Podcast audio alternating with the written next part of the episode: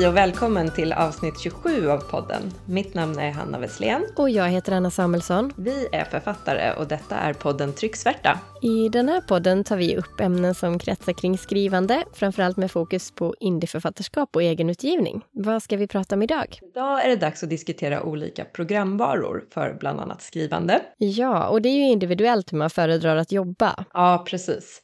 Så vi kommer ta upp våra erfarenheter från lite olika program och eh, jämföra och sådär. Just det. Men vi kan väl ta en kort tillbakablick på förra avsnittet som vi brukar göra. Ja, då pratade vi om att skriva fackbok och hur det skiljer sig från det skönlitterära skrivandet. Ja, precis. För det är ju skillnader både språkligt, omslagsmässigt, med layout och sådär, prissättning och det här med bilder som ofta finns i fackböcker och mycket mera pratade vi om. Mm, så lyssna igen om du inte redan har gjort det.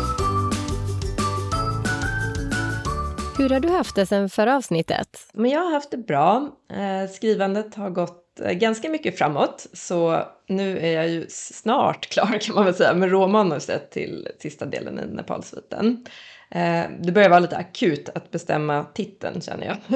Jag skulle egentligen ha velat ha ett omslag redan, men det är svårt att beställa när jag inte vet vad den ska heta. Ja, det är klart. Det påverkar ju hur man placerar bakgrundsbilderna och så. Kanske inte vad den heter, men framförallt hur lång titeln är. Ja, och jag tror på något sätt, eh, ja, jag skulle väl kunna påbörja beställningen innan kanske, men hon, hon vill ju förmodligen veta titeln samtidigt som hon jobbar med omslaget tror jag. Ja, jo men det är klart. Hur går tankarna då? Men jag har kanske fem olika förslag som jag pendlar mellan. Mm. Eh, problemet är ju förmodligen då att jag, jag är inte 100% nöjd med något av dem än så länge. Ja, det där tyckte jag var svårt, framförallt i min första roman, men sen känns det som att boken liksom växte in i titeln och att det nu i efterhand känns så självklart att den heter just det den heter. Mm. Skulle det kunna vara så tror du att det är med beslutsångest just nu, men att titeln känns klockren om några månader när boken är tryckt? Ja, jag hoppas ju det i alla fall.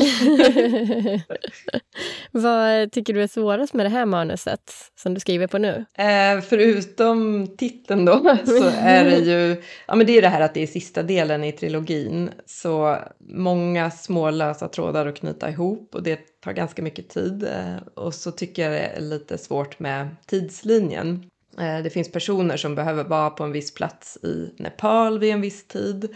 Samtidigt så behöver jag ha dem i Sverige på andra tider. Mm. och det, ja, det är lite svårt att få ihop och jag jobbar rätt mycket med en liksom, detaljerad eh, Excel-fil med tidsplanen. Ja, ja, men det måste vara ett väldigt bra verktyg som jag och säkert många som lyssnar vill höra mer om vid tillfälle. Mm, ja, nej. Vad, vad har du hittat på de senaste veckorna? Jag har bland annat förberett tre föreläsningar som jag har blivit tillfrågad om. De är inte riktigt eh, klara än, men eh, ändå. Och två av dem är på temat resa och tälta med barn och eh, så har jag bokat in mig på en liten eh, minibokmässa också. Och, så. och den sista föreläsningen där, den är väl kanske mer på temat resa och tälta utan barn, tänkte jag säga, men eh, resande i allmänhet. Så att, ja, det ska bli jättekul. Ja, men också spännande. Det låter jätteroligt med massa föreläsningar och bokmässa och grejer.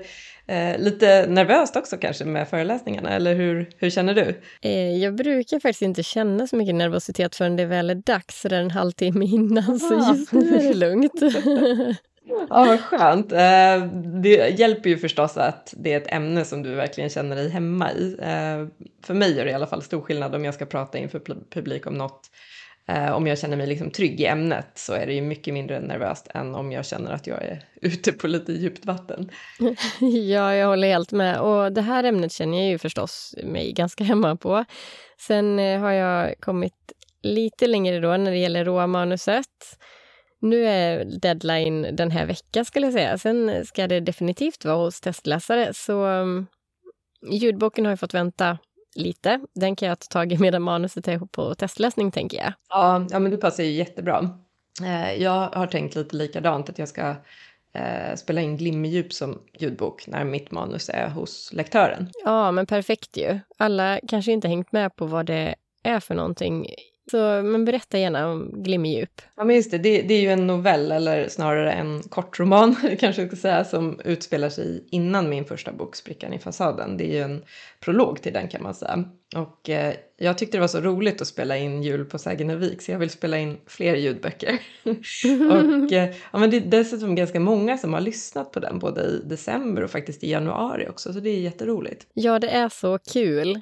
Ehm, men du märker att det lönar sig med den typen av kortroman eller vad man ska säga? Ja, men det känns så i alla fall. Nu, nu var ju det en säsongsbok. Eh, jag har ju såklart märkt att lyssningarna har avtagit i februari. Jag är faktiskt förvånad att det fortfarande är så pass mycket som det är.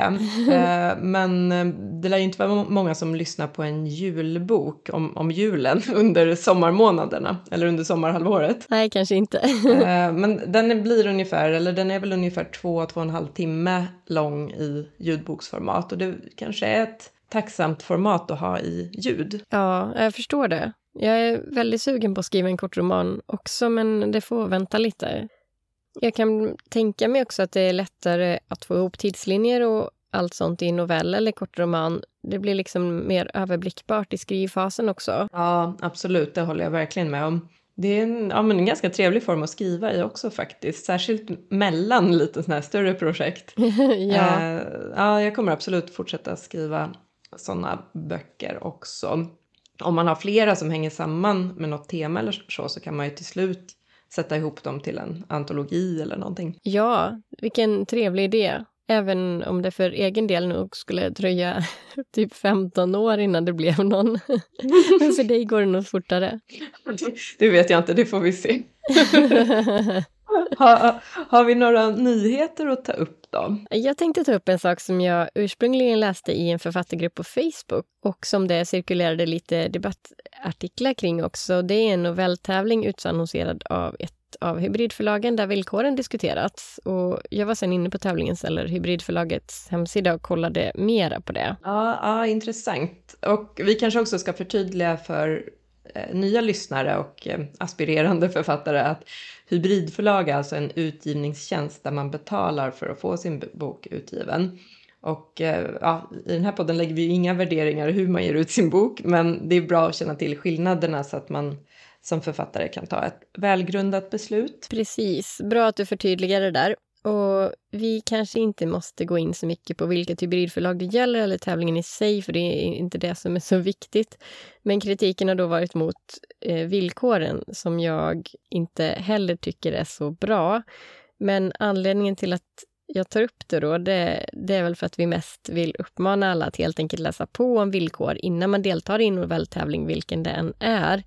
Och i det här fallet kostade det över 500 kronor att delta, vilket jag personligen inte skulle acceptera. Nej, det skulle nog inte jag heller göra. Det var nog mest det jag tänkte på. I övrigt var det nog inget jag reagerade på just kring det där. Men jag, jag tror inte jag skulle vilja betala för att delta i en tävling med skrivande. Nej, plus att rättigheterna till att använda ens text då i det här fallet tillföll hybridförlaget i två år och att förlaget då under de här två åren har ensamrätt till manuset och att man därefter skulle återfå rättigheterna. Mm, så förstod jag det också, så då har de ju rättigheten att ta eventuella intäkter under de två åren som jag förstår det, om man då är en av dem som kommer med i, i de, bland de vinnande bidragen.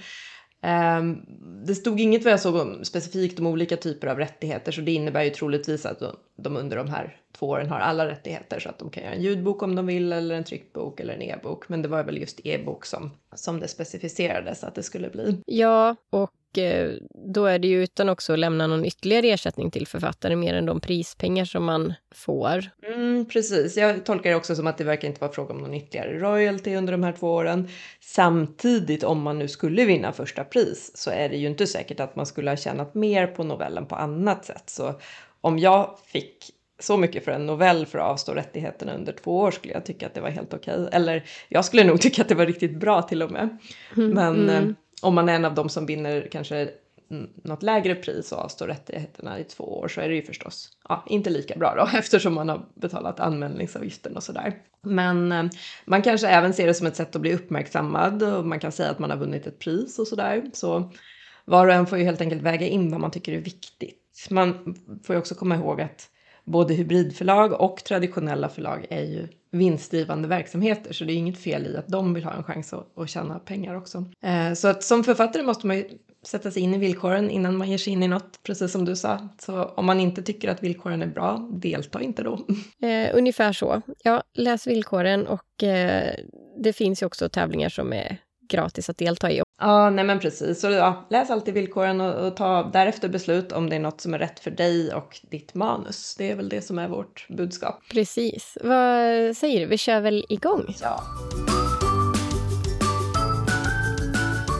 Så, då var det detta med skrivprogram. Det finns ju en uppsjö, men eh, innan vi går in på det, vad tycker du är viktigt när man väljer skrivprogram? Ehm, jag tycker att det är viktigt att det känns enkelt att arbeta i och Eh, ja, stabilt och eh, överblickbart skulle jag säga. Just det. Hur menar du med stabilt? Mm, ja, alltså, att det känns robust, att det inte händer massa saker när man trycker på en knapp så ändras massor på ett annat ställe och sådär, eh, liksom oöverblickbart. Mm. Dessutom så vill jag gärna kunna komma åt det även offline. Ja, någon slags kontroll över texten och programmet då. Mm. Förstår du hur du menar? Ja, och så tycker jag också att det är viktigt att texten blir liksom lättarbetad, att det ser visuellt väldigt bra ut i, på skärmen när man arbetar. Ehm, mm. Men framförallt så vill jag gärna att alla kapitel ska gå att överblicka och det får gärna vara lätt att stuva om kapitlen och sådär. Mm, det är en smidig funktion som inte finns i alla program och som vi kommer återkomma lite till. Mm. Vad värdesätter du i skrivprogram? Eh, jag skulle säga struktur först och främst. Mm. Just det. Ja, men på, på vilket sätt? Jag måste ju kunna strukturera upp i kapitel förstås, men också göra dem överblickbara på något vis, mer än kapitelrubrik. Mm. Till exempel, men enkelt se var nästa kapitel börjar och så vidare med formateringar och se vilka som är med i kapitlet och vem som har huvudperspektiv och så vidare. Ja, men just det, det är ju en klar fördel när man skriver och även i redigeringsfasen förstås. Ja, verkligen. Och sen tycker jag att det är väldigt viktigt att kunna se en sammanställning över alla kapitel och lite om vad varje kapitel innehåller. Mm, ja, men det håller jag med om så att man slipper leta igenom hela texten. Precis, och jag kan ju göra de här grejerna i Word som, som jag använder då. Mm. Ja, men vi kan väl börja med det programmet då. Vad, vad finns det för för och nackdelar med Word tycker du som skrivprogram? Men dels har ju många det programmet på datorn redan. Man måste inte skaffa ett nytt program. De flesta kan enkelt komma igång. Man måste inte lära sig en ny programvara som ändå kan vara ett, eh, en liten tröskel annars. Mm, det håller jag med om. Det är ju en stor fördel. Det är lätt att använda och de flesta har redan förkunskaperna som behövs. Sen är det ju, det är ju enkelt att formatera texten och välja typsnitt och radavstånd och sånt som gör det liksom lätt läsa för en själv. Mm, lätt att anpassa på det viset. Och jag har ju delat in texten i kapitel också och skapat en automatisk innehållsförteckning som jag uppdaterar med jämna mellanrum. Ja, ja, men berätta lite mer om det, för där vet jag ju att du verkligen har bra struktur. ja, jag, jag, tror att detta får ju lite på köpet i andra skrivprogram, men som jag har gjort är att jag har gett mina kapitelrubriker formatrubrik 1 och eh, själva kapitelrubriken består av namnet på den karaktär som är huvudperspektivet samt övriga förekommande karaktärer inom parentes, eh, men fortfarande med samma eh, format. Ja, just det, så du får med dem också, så du kan få en överblick över vilka som är med var. Ja, exakt. Eh, sen gör jag en kort beskrivning på några meningar med formatrubrik 2 då. Och sen när jag sen gör den här automatiska innehållsförteckningen så väljer jag att inkludera formaten rubriknivå 1 och 2.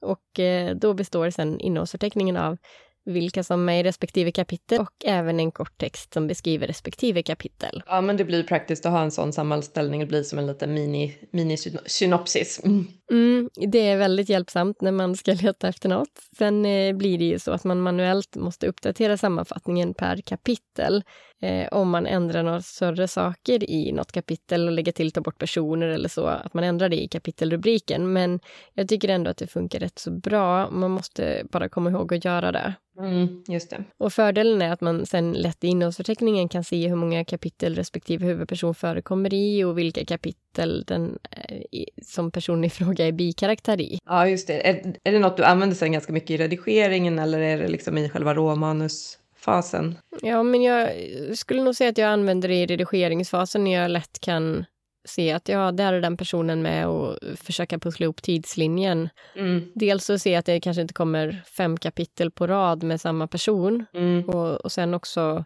att personen i fråga befinner sig på rätt ställe eh, vid rätt tidpunkt som du var inne lite innan på. Då. Ja. För att jag har också i kapitelrubrik 1 där så har jag också datum när eh, händelsen utspelar sig, datum och tidpunkt för att se att allting stämmer överens. Just det. Eh, sen när jag är klar med manuset så tar jag förstås bort allting som jag skrivit i rubriknivå 1 och 2 och kan ersätta med till exempel vanliga kapitelrubriker om jag vill ha sådana. Så den här strukturen är ju bara för min egen skull under tiden som jag skriver. Ja, ja men det, det vore ju tråkigt att få med något av det i manuset sen. ja, precis. Sammanfattning av varje kapitel. Innehållsförteckning.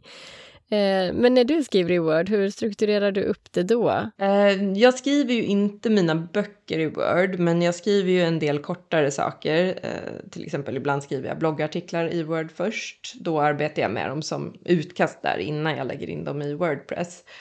Ehm, eftersom det är kortare texter då så behövs det inte alls samma avancerade struktur som du har. Men jag brukar ju förstås använda huvudrubriker och underrubriker. Då. Ja, ja, men det är ju också bra att använda Word till sådana saker. Ja, jag tycker det är lättare att skriva där än i Wordpress äh, av någon anledning. Och så mm. känns det mer lite, där jag var inne på, lite mer stabilt. Man har det liksom.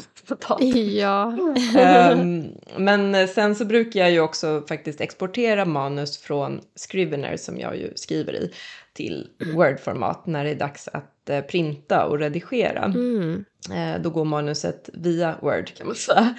Och eh, då brukar jag faktiskt fixa till en del saker direkt i Word inför utskriften. Ibland så kommer inte rubrikerna och formateringen ut från Scrivener så som jag vill ha den när jag redigerar och då kanske jag fixar lite med det så det liksom ser tydligare ut i i redigeringsprinten. Mm, Okej, okay. gör du någon redigering i Word-dokumentet också? Nej, inte som följer med till boken sen, det gör jag inte. Däremot så brukar jag ju använda det som kommer ut i Word till att jag delar med testläsare via Google Drive och så mejlar jag det till min lektör i Word-format. Eh, jag brukar lösenordsskydda det innan jag skickar. Det kanske mm. är helt onödigt. Jag vet inte om det är så stöldbegärligt direkt. Men, men, men, jag vill liksom inte att det ska vara på vift någonstans. Det förstår jag. Eh, jag skulle ju också lösenordsskydda, eller har gjort det de gångerna som jag har gjort på det viset. Mejl är ju inte så dolda som de flesta nog tror eller hoppas snarare. Så det är ju mm. bra att göra. Ja, precis. Och sen så får jag ju tillbaka kommentarer i Word-filen från lektören eller i Google Drive då från testläsare. Och då gör jag så att jag lägger in ändringarna direkt i Scrivener. Alltså jag lägger inte in ändringarna i Word-dokumentet. Mm. Där sparar jag däremot kommentarerna och mina svar på kommentarerna. Mm. För då kan jag liksom gå tillbaka och se vad jag har svarat och sådär. Till exempel så kanske jag skriver ändrar på någon kommentar eller så kanske jag skriver något om varför jag väljer att inte ändra om jag inte gör det då. Ja, det där är en märkt när jag testläst åt dig och det är så himla tacksamt och kul att få återkoppling på vad du gör och hur du tänker. Och den återkopplingen är ju väldigt enkel att göra digitalt. Eh, och det är klart att man kan lämna återkoppling på papper också om testläsaren läst på papper. Det blir, blir lite krångligt och det blir inte den omedelbara reaktionen heller. Och framförallt så är det ju så enkelt att se när man befinner sig på olika platser. Ja, det har ju blivit en del skratt när man har suttit här med de här kommentarerna. ja. ja. um, så det är en sak jag gör i Word. En annan sak som jag oftast gör i Word är faktiskt uh, sökningar på vanliga ord och uh, slaggord som jag vill liksom rensa bort. Um, det går att söka i Scrivener också såklart, men jag tycker på något sätt att det är enklare att göra det i Word faktiskt. Ah, så det är ändå en fördel med Word där. Det, det, blir väldigt smidigt med både sök och sök och ersätt. Mm, ja men precis. Alltså, trots att jag inte skriver manuset i Word så är det ändå ett viktigt verktyg för mig. Faktiskt så kom jag på nu att jag även exporterar manuset till Word innan jag lägger in texten i sättningsprogrammet också. Det blir lite som att eh, mina Word-kopior, de fungerar lite som backuper på gamla versioner eller vad man ska säga. Ah. Ifall jag ändrar saker i Scrivener eller senare i eh, sättningsprogrammet så finns eh, de här Word-kopiorna kvar. Det är ju väldigt bra. Jag kom på en fördel till med det här med Word förresten. Mm. Det här med navigeringsmenyn i vänsterkanten också, den kan jag tycka är väldigt bra. Och förstås vanliga funktioner också som, ja, vi pratar om sök och ersätt. Det är egentligen grundläggande skulle jag säga om man vill byta namn på en karaktär och så vidare. Men eh, jag har svårt att se vilka ordbehandlingsprogram som inte klarar det i dagsläget. Och samma sak med rättstavning och grammatikkontroll, det kan ju vara väldigt hjälpsamt. Men det känns också ganska basalt, jag gissar att de flesta andra program har det utan att egentligen veta, för det är ju Word som jag skriver i. Ja, jag tror också att de flesta program har stavningskontroll till exempel, men de kanske är olika bra eller fungerar på olika sätt. Ja, och där är ju Word heller inte perfekt, utan man får ju, ibland föreslår den ju särskrivning på ord som absolut inte ska vara särskrivning på, så att mm. man får ju se upp lite även i Word. Absolut. Eh, men om vi kommer in lite på nackdelar med det här programmet då? För det är ju inte perfekt.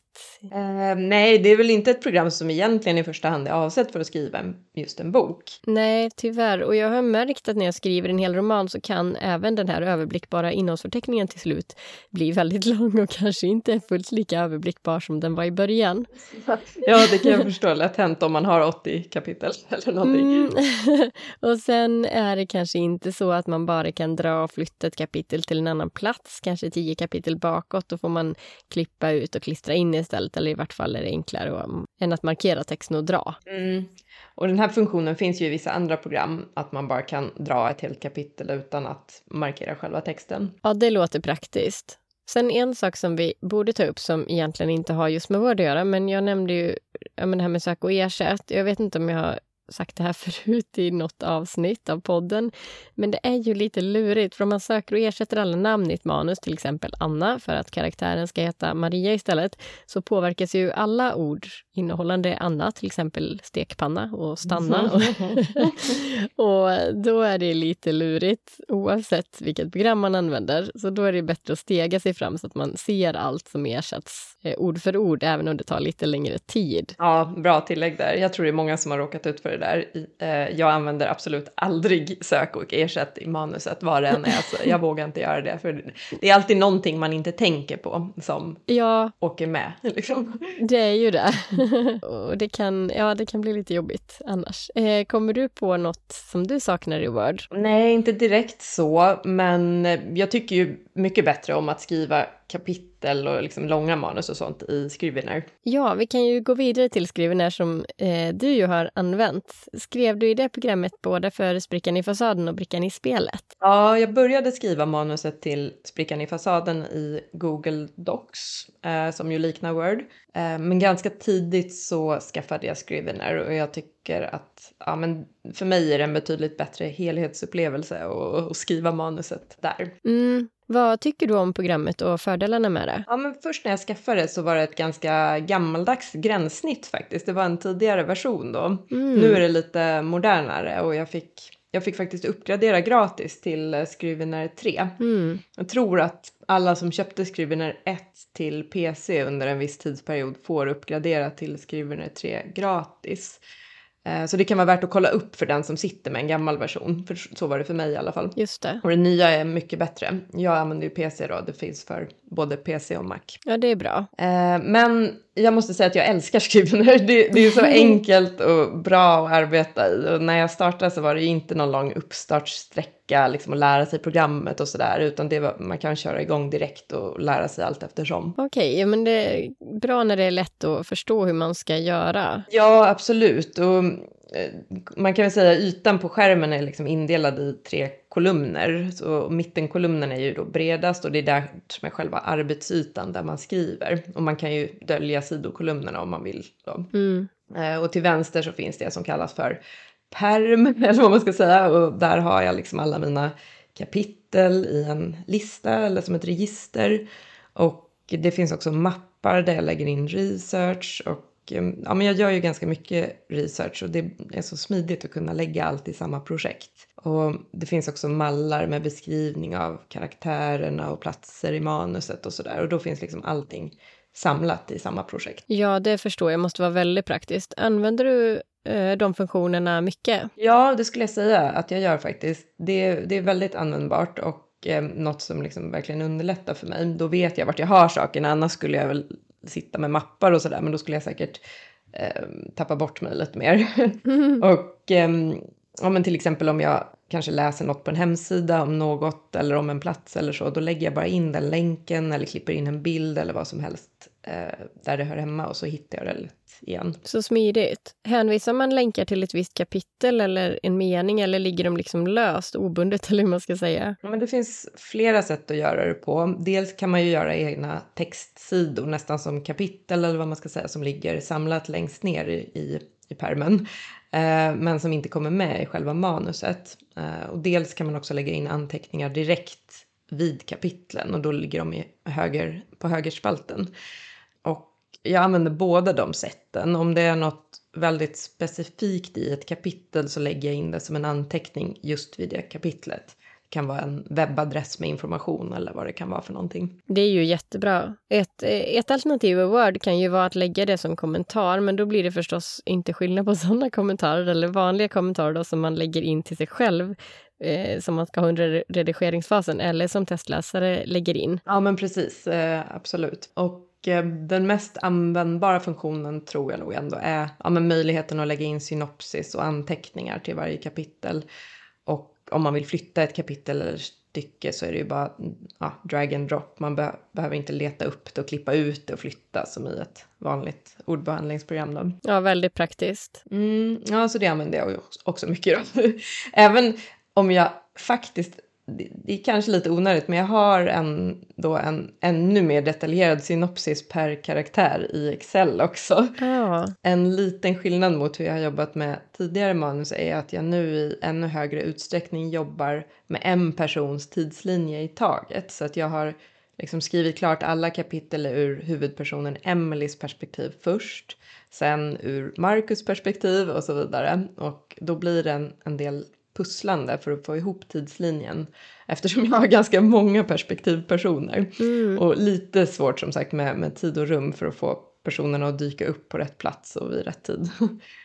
ja, det blir lätt att det blir fel där annars. För det, är, det är väldigt smart att ha noggranna noteringar om sånt, även om det kanske tar lite tid att, att skapa dem. Ja, Ja, och där hjälper det ju verkligen till att jag kan få upp alla kapitlen på en yta i Scrivener som en liksom corkboard eller vad man ska säga och så kan jag flytta runt dem som jag vill. Det är inget liksom klippande och klistrande. Nej, just det. Kan eh, du se något som du saknar i Scrivener? Mm, det är väl inget som jag saknar, men jag, jag, kan inte alla funktioner. Det finns jättemycket grejer som jag inte använder och inte kan.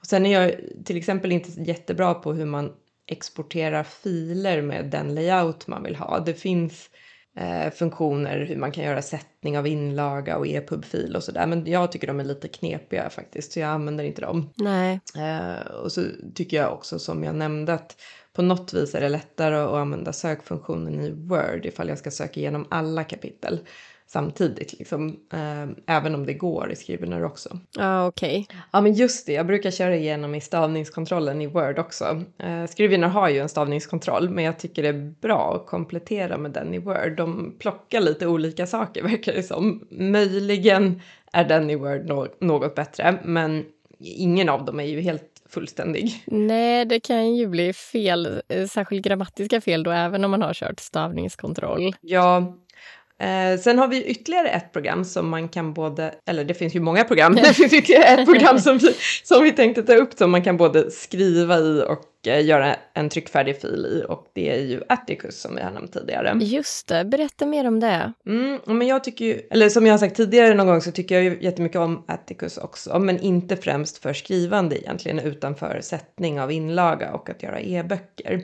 Man kan ju säga både Scrivener och Atticus är ju eh, program som kostar pengar men det är engångskostnader så att har man väl köpt dem så har man dem vilket ju är väldigt bra tycker jag. ja. In, ingen prenumerationskostnad då.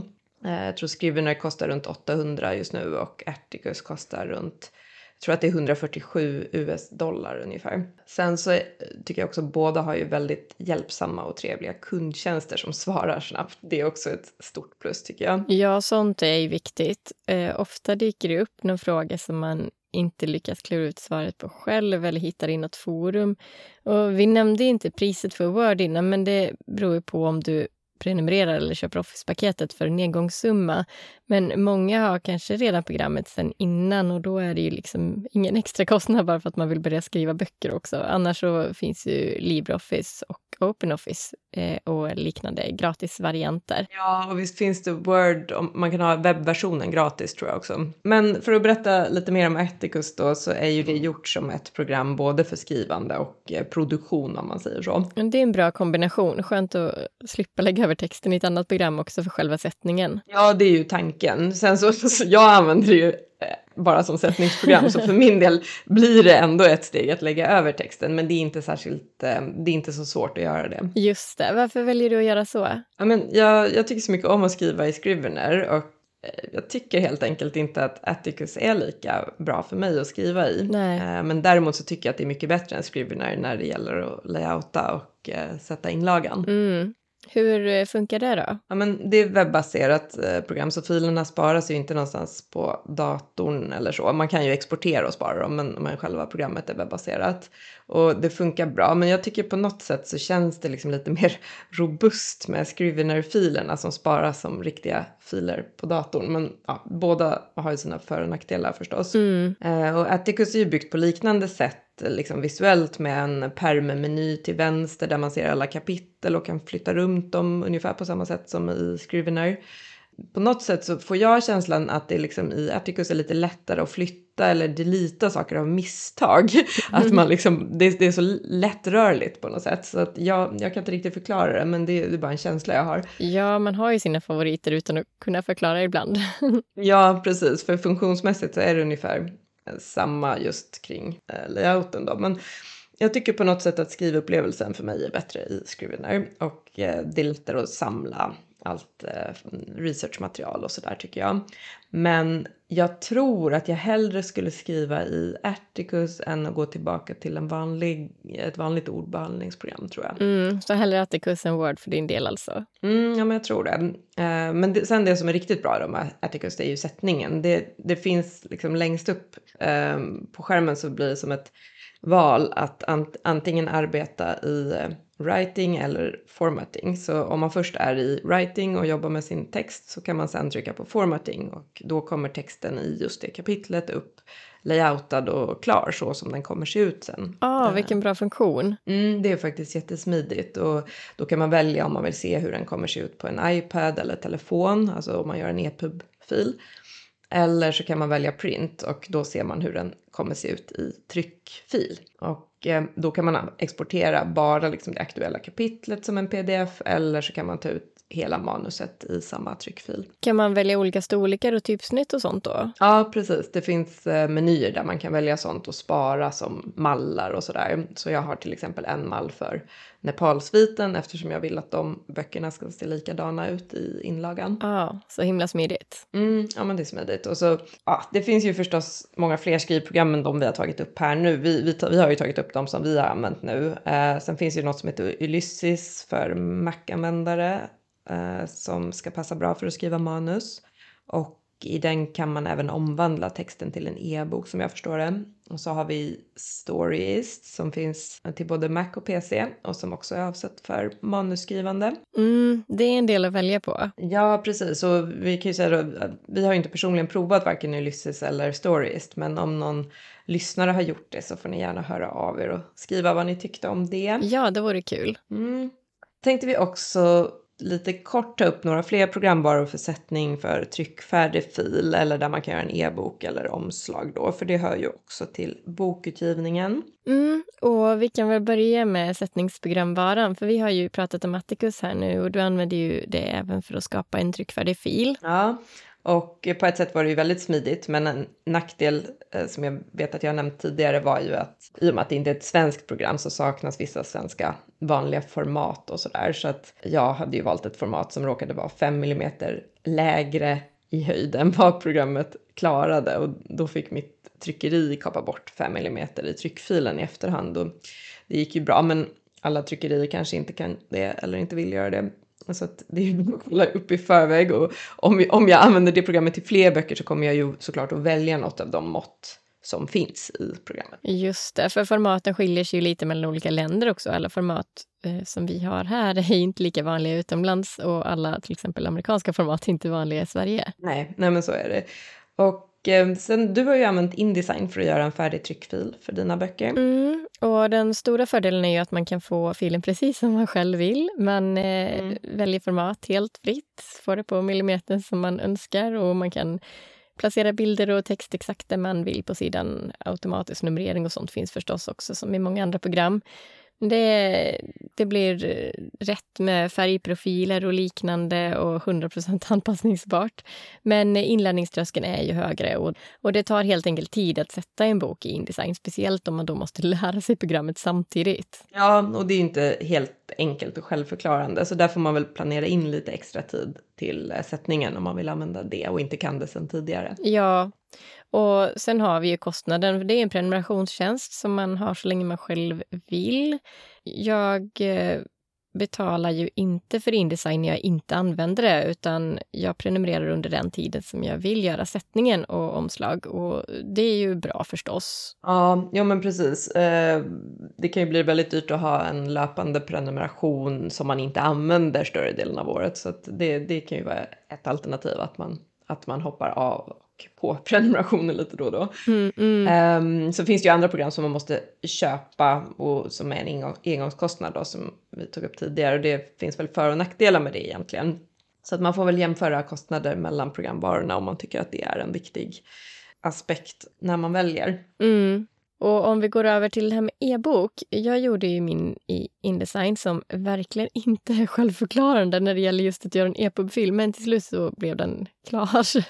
ja, så du, du, hade kanske föredragit ett annat program där egentligen då, eller? Om jag enbart skulle göra en e-pubfil och inte även sätta boken, för det var ju därför jag ville ha Indesign, så skulle jag inte valt Indesign om jag inte redan vetat hur jag skulle göra, för det var verkligen krångligt med så många inställningar på så många ställen. Ja, ja jag förstår det. Du använde väl Atticus till det, eller hur? Ja, ja men precis. Och där kom ju det programmet verkligen till sin rätt. E-pubfilen, det var liksom superlätt få till. Väldigt smidigt och liksom helt självförklarande hur man skulle göra. Det var i princip bara att trycka på en knapp. Till skillnad från InDesign.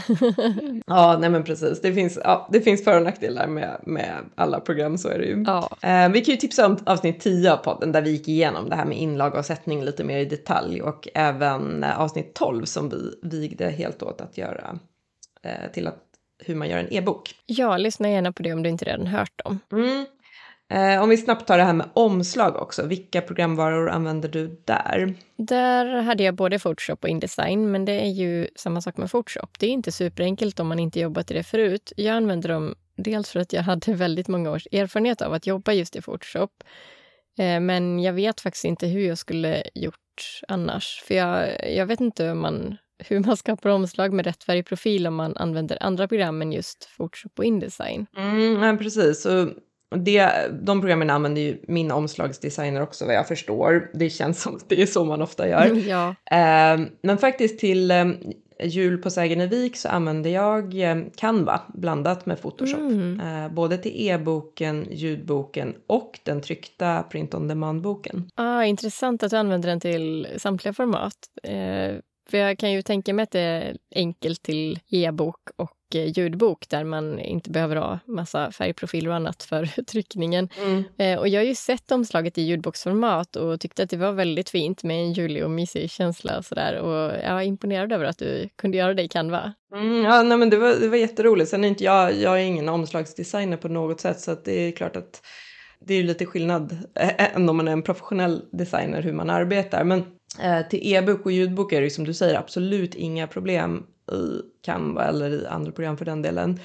Eh, även om jag är övertygad om att de flesta professionella omslagsdesigners föredrar Indesign till exempel. Mm, så är det nog. Blev du nöjd med hur det blev till den tryckta boken också? Och har, du har sett en tryckt kopia och så?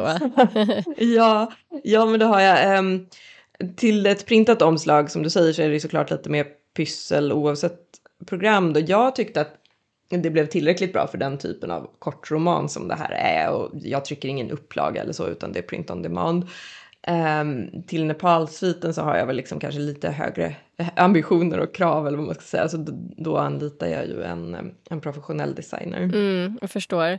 Det är ju en annan sak att trycka en stor upplaga och, och så. Och sen är det ju det här med korrekta färgprofiler. Då får man väl kolla att tryckeriet kan hjälpa till med det om man skapat sitt omslag i något annat program. Ja, alltså jag kan ju inte det här med färgprofiler, men jag för Jul på Sägenevik då så följde jag Public som jag använder då har ju en, en guide eller vad man ska säga där de anger vilken färgprofil man ska ha. Så till det omslaget så exporterade jag bara filen från Canva med det läget för tryckutskrift. Det finns i eh, betalversionen av Canva då. Mm. Och så valde jag den profilen som Public angav att man skulle ha i pdf-filen. Och det, det var egentligen bara liksom några knapptryckningar och de färgerna blev bra vad jag kunde se i alla fall. Ja, roligt att det funkar. Men visst gjorde du omslaget till e-boken eh, Glimmerdjup i Indesign eller Photoshop? Eller hur? Ja, det gjorde jag med, med hjälp från dig då. uh, jag har ju liksom ambitioner att lära mig de programmen också. Det är ju, det är ju verkligen, verkligen bra program. Uh, men för mig så tar det så otroligt mycket längre tid och det är svårare att få det som jag vill i de programmen eftersom jag inte kan dem. Eh, och just i det här fallet så var jag redan lite sen med Sägenevik eh, inför julen då, så jag, jag gick liksom den snabba vägen där och ja, men blev ändå nöjd med resultatet. Så att det är väldigt mycket frustration för mig just nu i Photoshop och Indesign innan jag liksom har lärt mig det. Så att eh, samtidigt så vet jag ju att det enda sättet att verkligen lära sig är ju att arbeta i programmen så att jag har ju den ambitionen framåt. Mm. Men i, i det här fallet så, så hade jag inte riktigt tiden helt enkelt. Mm. Vi har ju fått in flera kommentarer också på veckans fråga som vi la ut på Insta om vilket skrivprogram som man använder och eventuellt varför. En av kommentarerna är från författare Fredrik Lennartsson som berättar att han nu skriver på sin tredje deckare och har använt Word hela tiden. Ja, precis som du med andra ord. Och eh, av de jag har pratat med så är det Word eller Scrivener som är det vanligaste svaret. Så att eh, Fredrik är ju verkligen i gott sällskap, kan man säga. Ja, han är ju det. Han skriver också att fördelen är att det, är ganska enkelt och lätt att få hjälp, men tillägger också att han inte testat andra program eller känt behov av att göra det. Nej, precis. Eh, men jag känner ju igen mig i det här. Det känns som att jag resonerar precis likadant. Jag känner heller inget behov av andra skrivprogram, men det finns nog funktioner som är väldigt användbara bara man testar dem. Ja, ja men så är det ju. Det, det är nog, jag tror man ska gå lite på sin känsla där kanske egentligen. Mm. Och sen kanske också hur detaljerad synopsis man har från början och att det då blir mindre risk att man måste flytta om en massa i redigeringsfasen. Och då kanske också behovet av andra program och funktioner minskar. Så det är väl bra att också ha i beaktande hur strukturerat man skriver från början och hur mycket man till exempel behöver flytta runt, även om Scrivener och andra dedikerade skrivprogram ju har fler funktioner än så. Ja, precis. Eh, det, det, kan ju också handla om, om om man tycker att det är roligt eller inte att ha ett liksom speciellt skrivprogram. Jag tycker ju på något sätt att det är väldigt roligt med skrivningar. Jag gillar att liksom öppna upp det programmet för då vet jag att det är dags att skriva och mm. sådär. Så det, jag skulle ju säkert kunna, eller det är klart jag skulle kunna skriva i Word också. Det skulle ju, det skulle ju gå liksom. Men, men det är nog mer också att jag tycker att det är roligt att använda det. Ja, men det är absolut en aspekt. Det är väl som att ha en eh, dedikerad skrivplats, liksom. Att nu, ja. nu är det dags att skriva. Ja, ja lite så faktiskt. eh, sen har vi också fått en kommentar från My Lord Monica på Instagram och hon berättar att när hon skriver så använder hon antingen Scrivener eller Word beroende på var i processen hon är. Hon skriver också men jag har så många fler program igång, allt från specialprogram som stödjer mitt skrivande till grafiska program som hjälper mig skapa eller redigera bilder. Ofta ett tiotal under tiden. Ja, ah, just det. Ja, det är ju som vi också nämnt här i avsnittet oftast mer att göra än bara att skriva själva texten, åtminstone som indieförfattare. Och nu vet jag i och för sig inte exakt vilka program Monica använder, men, men eh, om man är en författare som också illustrerar sina böcker så kan man ju använda sig av till exempel Adobe Illustrator och sen Photoshop eller liknande program som vi pratade om tidigare.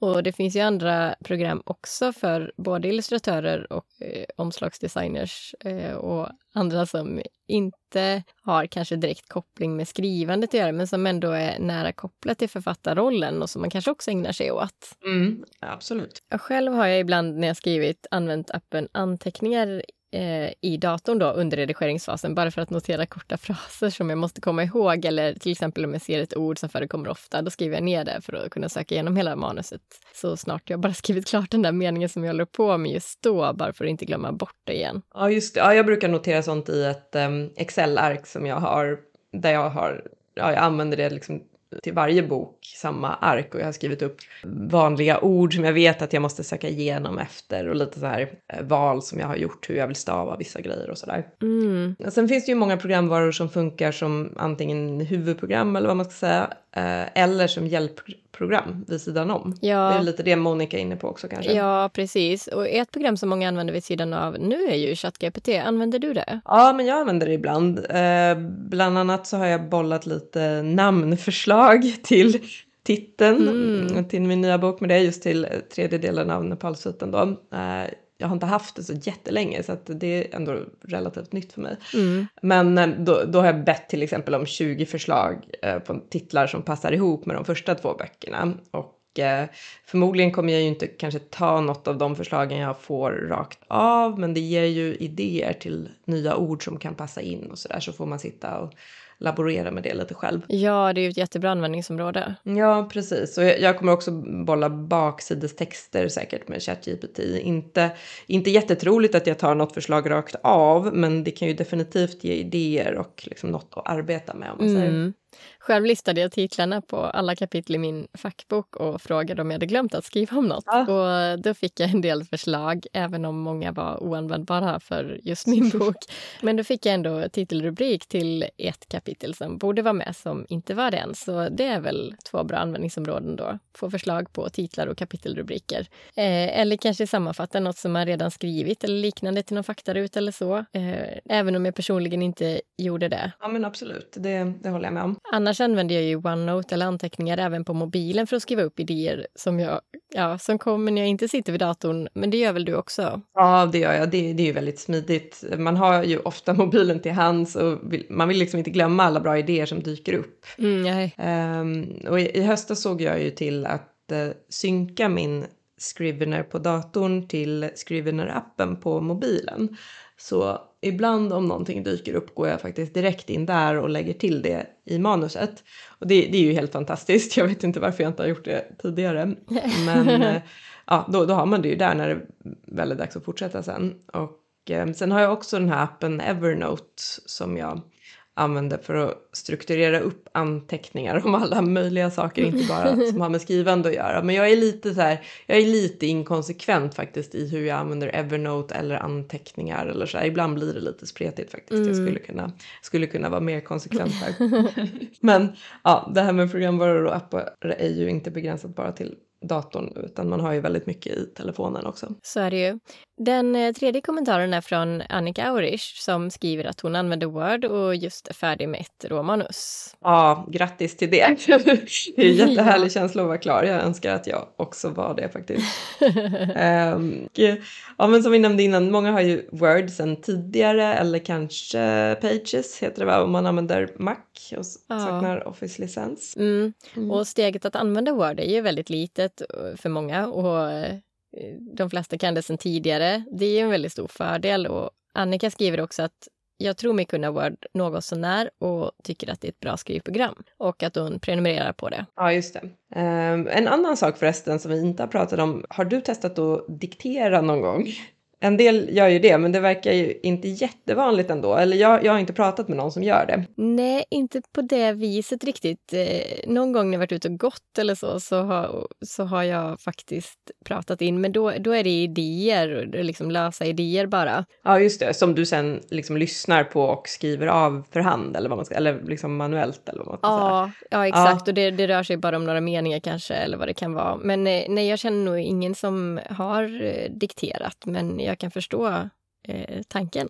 Ja, alltså det kan jag verkligen också. Och då, då menar jag ju diktering som liksom skriver in automatiskt också. Inte att man själv ska behöva skriva in det sen utan att det liksom skriver automatiskt. Och eh, om man är bra på det så kan man nog få ihop riktigt många ord per dag tror jag. Mm. Eh, men för min del, jag kan inte riktigt tänka och liksom tala ut texten direkt. Jag måste skriva för att det ska falla på plats i hjärnan.